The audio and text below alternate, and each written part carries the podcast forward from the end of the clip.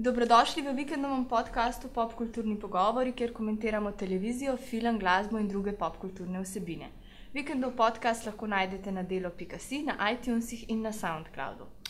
Tokrat bomo v našem podkastu govorili o letošnji EMI. Eh, z vami sva eh, nekdani namestnik urednice Vikenda in sedanja namestnica urednice Vikenda, Saša Kralj in Teja Rublič, oba sicer redna in zvesta gledalca EME.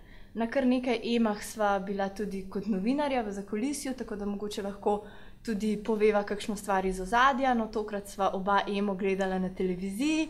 Sašo, kako, kakšen vtis ti je pustila letošnja ema? Moram priznati, da bolj mlačnega. Ne rečem, da šov na trenutke ni bil dober. Mogoče bi se tukaj navezal na neko objavo, ki sem jo zasledil na Facebooku in sicer Dejan Kukrič, on je vodja razvedrila, med drugim vodja razvedrila na bosanski nacionalni televiziji, je zapisal, da je televizija Slovenija svetlobna leta pred ostalimi državami nekdanje Jugoslavije, kar se tiče izbora, tako po tehnološki plati, po režiji, po estetiki, kar sicer sliši super, ampak potem se je takoj spodaj oglasil Andrej Babič, on je pa spomnimo avtor več skladb, ki so se v preteklih letih predstavile na EMI. No, on je pa rekel, da na srečo ali pa na žalost, pa to ni tekmovanje v režiji, estetiki in tehnologiji, s čimer je verjetno hotel povedati, da na vse zadnje so pa bolj pomembne same pesmi. Ne? In tukaj imam pa jaz občutek, da bi se pa dalo, kar se tiče samih pesmi in predstavitve, torej nastopa teh pesmi, pa pokazati veliko več. Uhum. Jaz bi letošnjo emo uh, kar primerjala z emo iz leta 2011. Zdaj vemo, da je od leta 2011 ema šla v neko smer, ki se zdaj TV Slovenija kar zvesto drži. Je pa res, da so izvedbe boljše ali pa slabše. Zdaj vsi smo letošnjo emo uh, pričakovali ali pa primerjali s tisto iz leta 2011, predvsem zato, ker se je pač vrnil Klemen Slakonja. Um, In vsi smo nekako upali ali pa računali, da bo, da bo tako dobra kot tista, se je pa izkazalo, da ni bila. Uh, nekaj to, uh, malo je to povezano s tem, da pač ni bilo takih zvezdniških izvajalcev kot takrat. Takrat smo gledali tabu, Nino Pušljar, Lilo Žemema, Okevca. Po drugi strani pa tudi vsak element je bil malce slabši, se pravi, malo manj odmeven nastop, ni bilo živega občinstva. In potem splošni vtis je pač precej slabši od tistega iz leta 2011. Um, se pa uh, spomnimo tudi izborov izpred kar nekaj let, ne Sašo, takrat si bil pa ti bolj vključen v to. Ja, jaz sam sem v bistvu bolj navdušen nad samimi emami, ki so, ki so se zgodile pred letom 2011. Torej, ko je bilo po možnosti več večerov. Z raznolikim naborom skladb, uh, pred živim občinstvom, po možnosti. In mogoče se večkrat sprašujemo, kaj je pravzaprav tista popolna ema. Ne. Jaz, če govorim v svojem imenu, bi bila za me popolna ema taka, ki bi se dogajala več večerov, pred živim občinstvom, z, ve, z velikim naborom skladb, z nekim korektnim voditeljem, po možnosti, da bi nastopila tudi aktualna zmagovalka pesmi Eurovizije, kar vemo, da se je pred leti redno dogajalo. Um, Zdaj pa ne vem, če se še kdaj bo. ja, se bojim tudi jaz. Uh, in pa seveda zmagovalka pretekle ime. In to je popolnoma dovolj, po moje, za, um, za nek uspešen recept, ki ga ema potrebuje. Ker v zadnjih letih se mi zdi, da izgublja na tej magičnosti, tej znemirenosti ema, ne? ker se na vse zadnje kaže tudi pri samem številu glasov v telefonskem glasovanju. Ne? Če se spomniš, recimo leta takrat, ko sta, ko, takrat, ko sta v superfinalu se pomerila Rebeka Dremelj na eni strani ter Langa in celisti na drugi, takrat je bilo skupno število glasov skoraj 120 tisoč, medtem ko je letos bilo borih manj kot 7 tisoč glasov za obe superfinalistke. Mhm.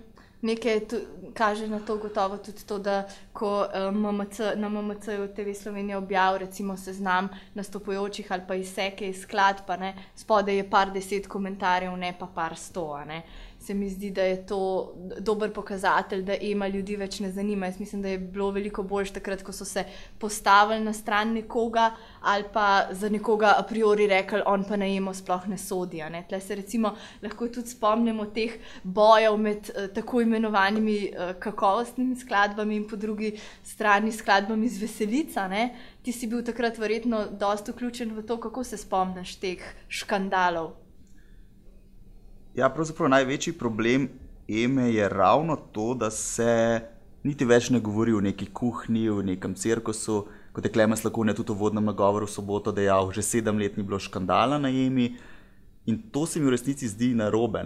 Men, jaz nimam nobenega, nobene težave s tem, oziroma ne zdi se mi narobe, da se na Emo gleda kot na nek dogodek, ki ponudi kruha in igr. Če hočemo imeti pa kruha in igr, se mi pa zdi, da moramo imeti dva pola. Na eni strani to neko ljudskost, na drugi pa recimo temu strokovnost. Zdaj, se to kaže na ravni samega glasovanja, torej glas ljudstva in neke stroke, ali pa pač na ravni samih skladb, za katere lahko. Um, ne, ne, nekatere, pri, katere, pri čemer lahko nekatere označimo bolj za ljudske, druge pa mogoče bolj za, kako bi temu rekla, kot jaz sem prej rekla, kakovostne v narekovajih, pa mogoče lahko tako pustiva. Bolj kakovostne.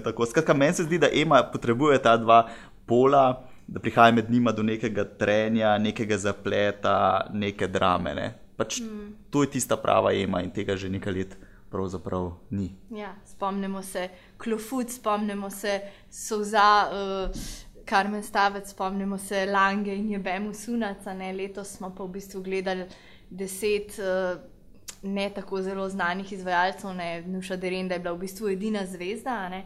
In moje mnenje je, da ljudje, ki doma gledajo emo kot televizijski spektakel, kot en večer, ki se ne obremenjujejo toliko skladbami, se mi zdi, da jih veliko bolj zanima, kaj bo neka zvezda oblekla, kako se je postarala, kako se je zredila, če se je mogoče operirala ali se ni, ne? ne pa da gledajo neki ljudi, ki jih sploh ne poznajo, ker potem jih pravzaprav vse to, kar sem zdaj omenila, o njih sploh ne zanima. Ne? Ja, meni se zdi zanimivo, kako smo v bistvu prišli izpred vem, 15 let do danes, do te spremembe, da so takrat se predstavljale pevke kot so jim Brigita Šuler, Rebeka Dremelj. Mm, Karmen Staves, na vse zadnje, Saška Lendero, da, da jih pač več ne vidimo na EMI. Ne? Ampak um, po drugi strani pa tudi takrat obstaja neka strokovna komisija, ki je bila to prvo sito, ki je določila, kdo se bo sploh lahko predstavil na EMI. In takrat je ta komisija izbrala te izvajalce. Ne? Mogoče se letos zaradi vseh teh sprememb, kdo sploh lahko nastopa na EMI, ali so to povabljeni avtori, ali, so, ali je pač razpis javen, ali gre, uh, ali gre za kombinacijo teh dveh načinov da je to vse skupaj v bistvu poročilo neko zmedo in da se ti sploh več ne prijavljajo, ali se prijavljajo zato, ker mogoče niso bili izbrani. Čeprav čist konkreten primer, letos je bila skladba določenega avtorja, ki bi, ki bi jo zapela Brigita Šola, prijavljena na EMO, pa ni bila izbrana. Ne? Tako da jaz pač ne vem točno, kaj se je zgodilo tukaj vmes, da teh uh, skladb oziroma teh izvajalcev več uh, ne vidimo. Um, je pa tudi res, ja, da je število prijavljenih skladb kar precej upadlo, rekordnih 162 leta 2008 je letos prispelo na razpis samo 61 uh, skladb, mislim, da okoli, ene, okoli 60 skladb, kar spet kaže na nek opad samega zanimanja za ta festival. Po drugi strani pa mene v bistvu to, recimo, da pride tam neka skupina mladih reperjev ali pa nek, nek, nek mlad izvajalec, potem ga pa Darja Švajger ocenjuje, kako poje, bolj spomnil na misijo Eurovizijo ali pa na Slovenijo ima talent, kot na to, da mi zdaj izbiramo neko pesem, ki nas bo predstavljala na tako velikem modru, kot je Eurosong. Se mi zdi, da je to bolj, bolj spominjalo na nek tak šov.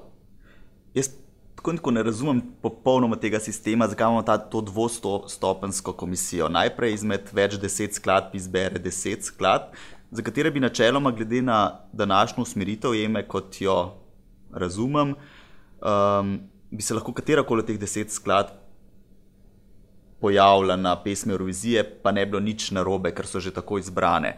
No, in da izmed teh deset, desetih pesmi um, potem neka druga neka druga žirija omeji nabor na samo dva, na dve skladbi, iz katerih potem ljudje izglasujejo zmagovalko. Ja. Ne razumem. Zakaj sploh dati ljudem deset skladb, da jih poslušajo, če sploh ne morejo za njih glasovati? Ne? To se zdi v bistvu zelo nenavadno. Uh, gotovo bi kdo glasoval tudi uh, za katere od, od, od tistih skladb. Po drugi strani je pa žirija vse večer letos samo hvalila vse skladbe, ne Marlena je mogoče parkrat bila malce kritična, sicer so bili pa vsi krasni, najboljši nastop, čudovit glas, vse je bilo super. Se pravi, ta žirija ima neko neverjetno veliko vlogo, po drugi strani pa sploh nima nobenega mnenja. Ne? To se meni zdi res, res zanimivo, oziroma mogoče malo brez veze, čeprav se TV Slovenija uh, vse čas govori, ne, da je to ta recept, ki nas je pripeljal do uspeha z Majo Kevc, pa lani z Marejo, ampak iz uh, vidika televizijskega spektakla pa ne vem, če je to ravno najboljša. Ne. Zdaj, če se za trenutek uh, ustaviva še pri uh, spremljevalnem programu, pri voditelju, pri klepetih, pri nastopih.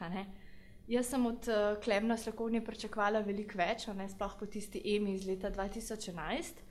Uh, zdaj so se mi te nastopi s sestrami, nastop z Nino Kuduzovič, zelo pričakovana. Ne? Spet bi se zdaj spomnila tistega nastopa s Severino, ki je bil res mogoče nekaj svežega, nekaj nepričakovanega ne? in je dal neko dodano vrednost. Ne? Tokrat se mi je pa pač zdelo, da je ja, v redu, ampak zelo pričakovano od Klemna, zelo pričakovano od Eme v bistvu. Po drugi strani pa uh, bi se, če se pač pogledamo še to njegovo imitacijo Putina. Ne? Se mi sicer zdi super imitacija, ampak um, se mi pa zdi, da za slovenskega gledalca, za gledalca, ki gleda televizijo, ne za nekoga, ki klika na YouTube, se mi to ne zdi tako zanimivo, kot recimo, če bi že, tudi če bi še desetič imitiral uh, Jana Plestenjaka, bi se mi zdelo, da bi bilo ljudem to bolj zanimivo ali pa zabavno. To je ugotovil tudi Klemen, na nekem je v intervjuju rekel, da je v Jebeli cesti gledano zelo padla takrat ko je bila tista imitacija Slavoja Žižka. Ne? In jaz mislim, da ja, to je za njegov spletni projekt zelo dober, za Emo pa kaj pa vem, povprečno dobro.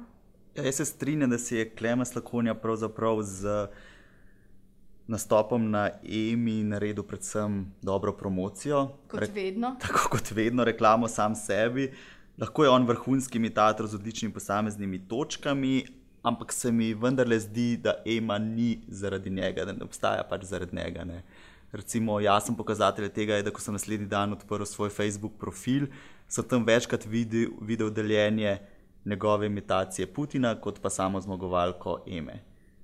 Pa še, tako da za moje pojme je bilo mogoče malo preveč klemna, ampak ne samo klemna, zdelo se mi tudi, da je bilo preveč rejane. Tako da druga, kot vedno. Kot vedno.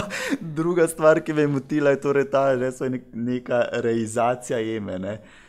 Vse je res, da je avtor in tudi v bistvu izvajalec preteklih dveh zmagovalk, slovenskih zmagovalcev, ki so se predstavili na pesmi Eurovizije, ampak vseeno, da je del žirije na tokratni emi, da se pojavi vi Mareja dvakrat uh, v dveh skladbi, skladbah tega večera, da tam nastopa tudi Lina Koduzovič, ki je tudi njegova varovanka.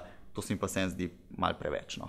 Mhm. Po drugi strani se pa tudi meni zdijo te šale, klemna slakonje na račun reja, že res zelo postane, glede na to, da se norčuje iz njega že od leta. Mislim, od takrat, ko je bil žirant v misiji Eurovizija, ne se mi zdi, zakaj potem vabite tega človeka, da že vsta čas ustvarja uh, ta, to prireditev ali pa, pač ta izbor, potem se pa iz njega norčujete. Oziroma, če se že norčuje cel večer iz njega, zakaj za Boga ni omenil njegove kapuce, za katero jaz še vedno ne vem, ali je bila prilepljena, ali je bila pritrjena, ali je bila pritrjena špango. To je za mene največja skrivnost letošnje ime. Si už mogla še enkrat posnetek pogledati. Uh, ampak ne smejo biti pa samo kritična zdaj do Klemna in tega spremljevalnega programa. Ne? Morda je mogla biti še bolj kritična pa do samih nastopajočih. Ne. Se te pravzaprav tudi niso poskrbeli za kakšen pravi šov. Ne. To, da je bil štirikrat vrhunec neko slačanje, to se mi zdi res tako. To bi moglo stati v letu 2004, ko se je Pika Božič slekla in pokazala svoje zlate vroče hlačke, leta 2016 pa bi lahko že kaj se domislili česa bolj inovativnega in mogoče bolj spektakularnega. No. Mm. Po drugi strani so pa tudi te klepeti, klemna žirijo, bolj spominjali na polnočni klub kot na uh, neko živo prireditev. Ne? In tukaj bi jaz spomnila na, spet na pomen živega občinstva pri takih prireditvah. Marijo je uh, mi zdaj pred kratkim dal izjavo, da si zelo želijo, da bi celotne te dneve slovenske zabavne glasbe predstavili nekam uh, preživo občinstvo. In meni se zdi to zelo dobro, ne? ker predvsem, če si kdaj tam vidiš, kako je to pomembno, dejansko tudi potem za televizijski spektakel. Mi dva se lahko recimo spomnimo, ko so bila leta 2010 na uh, tako, ko je slavil narodno zabavni rok.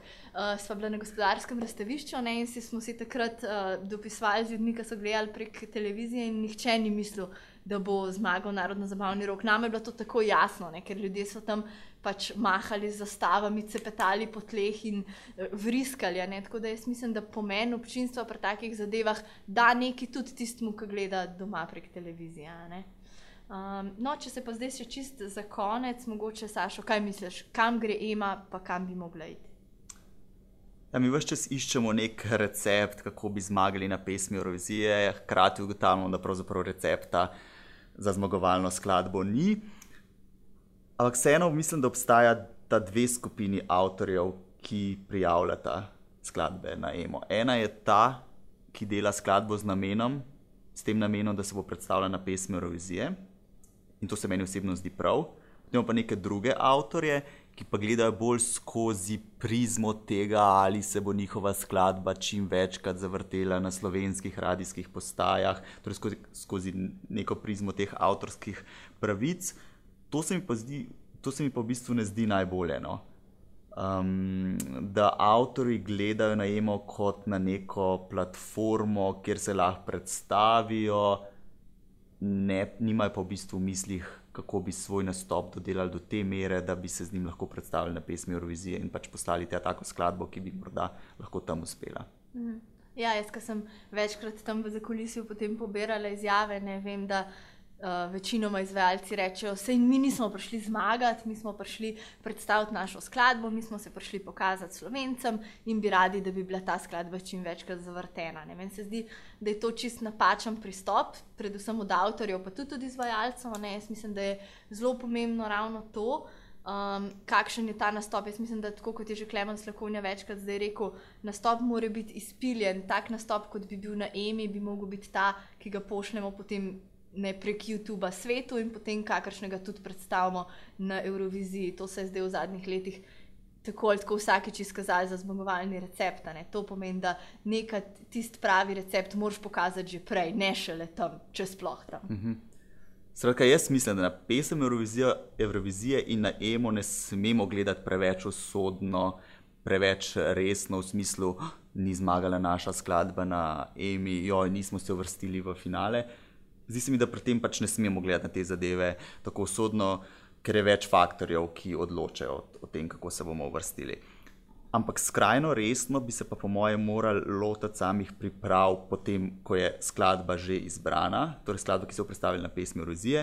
In tudi prej, v bistvu, avtori bi se morali um, bolj potruditi, mogoče za same skladbe, za sam nastop. Tukaj se mi pa zdi, da je pač manevrski prostor ogromen in da tega bi se pa morali res resno uh, lotiti. Ja, večkrat se zdi, da vsaj kdo ima malo pogleda v to, vidi, da se tega, ki nas predstavlja, dosti krat pošle golega in bosega na, na Eurosong. Ne se mi zdi, da tukaj bi mogla er, sam RTV tudi potem v neki točki dodati več, ne, ne pa da si morajo uh, oni sami ne vem koliko komadov slušalko misliti. Pa, pa kupiti salamo za slovenski večer, pa tako naprej. Ne. Pa sam svoje, skrbeti za svoje obleke in vse te zadeve. Tako da v tem smislu se mi zdi to zelo pomembno. Se pravi, najprej bi mogli avtori pa izvajalci gledati na nastop, po drugi strani bi pa takrat, ko je čas, tudi RTV mogla vstopiti in dodati svoj delež k temu končnemu nastopu. Ja, kar nepravično včasih primerjati, recimo, nastop lanskega zmagovalca Šveda, za katerim je bila ogromna ekipa, ogromno denarja, ogromno neke podpore z različnih strani in z, pač z nastopi slovenskih izvajalcev preteklih let, pač, ker ni primerljivo v smislu vložka. Ne. In mhm. tudi rezultat je potem tak, kakršen je. Kaj pa misliš, da bo dosegla Manuela na švedskem, oziroma kako všeč ti je komat pa nastop? Najtežje vprašanje pa za konec. Ja, jaz mislim, da načeloma lahko tudi zelo poprečen, poprečna skladba uspe na pesmi Eurovizije, ampak mora biti potem pa res odrski nastop, dodelan, odličen.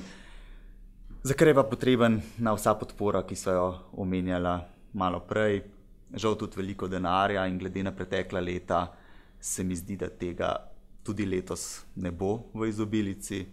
Uh, tako da se bojim, da bomo ostali pred vrati finala. A tako drzno boš napovedal. Ja, v redu. No, sej o Eurosongu bomo gotovo še govorili v kakšnem podkastu potem maja, tik pred izborom. Tokrat sva se osredotočila pač na emo. Uh, to je bil vikendov podcast Popkulturni pogovori, ki ga lahko poiščete na delo.si, na iTunes in na SoundCloudu, tam vas čakajo tudi ostali naši popkulturni pogovori. Uh, sicer pa lahko naše novice, članke in ideje najdete tudi na Facebooku, na Twitterju, na delo.si, na slovenske novice.si. Vikend je pa vsak petek priložen delu in vsako soboto slovenskim novicam.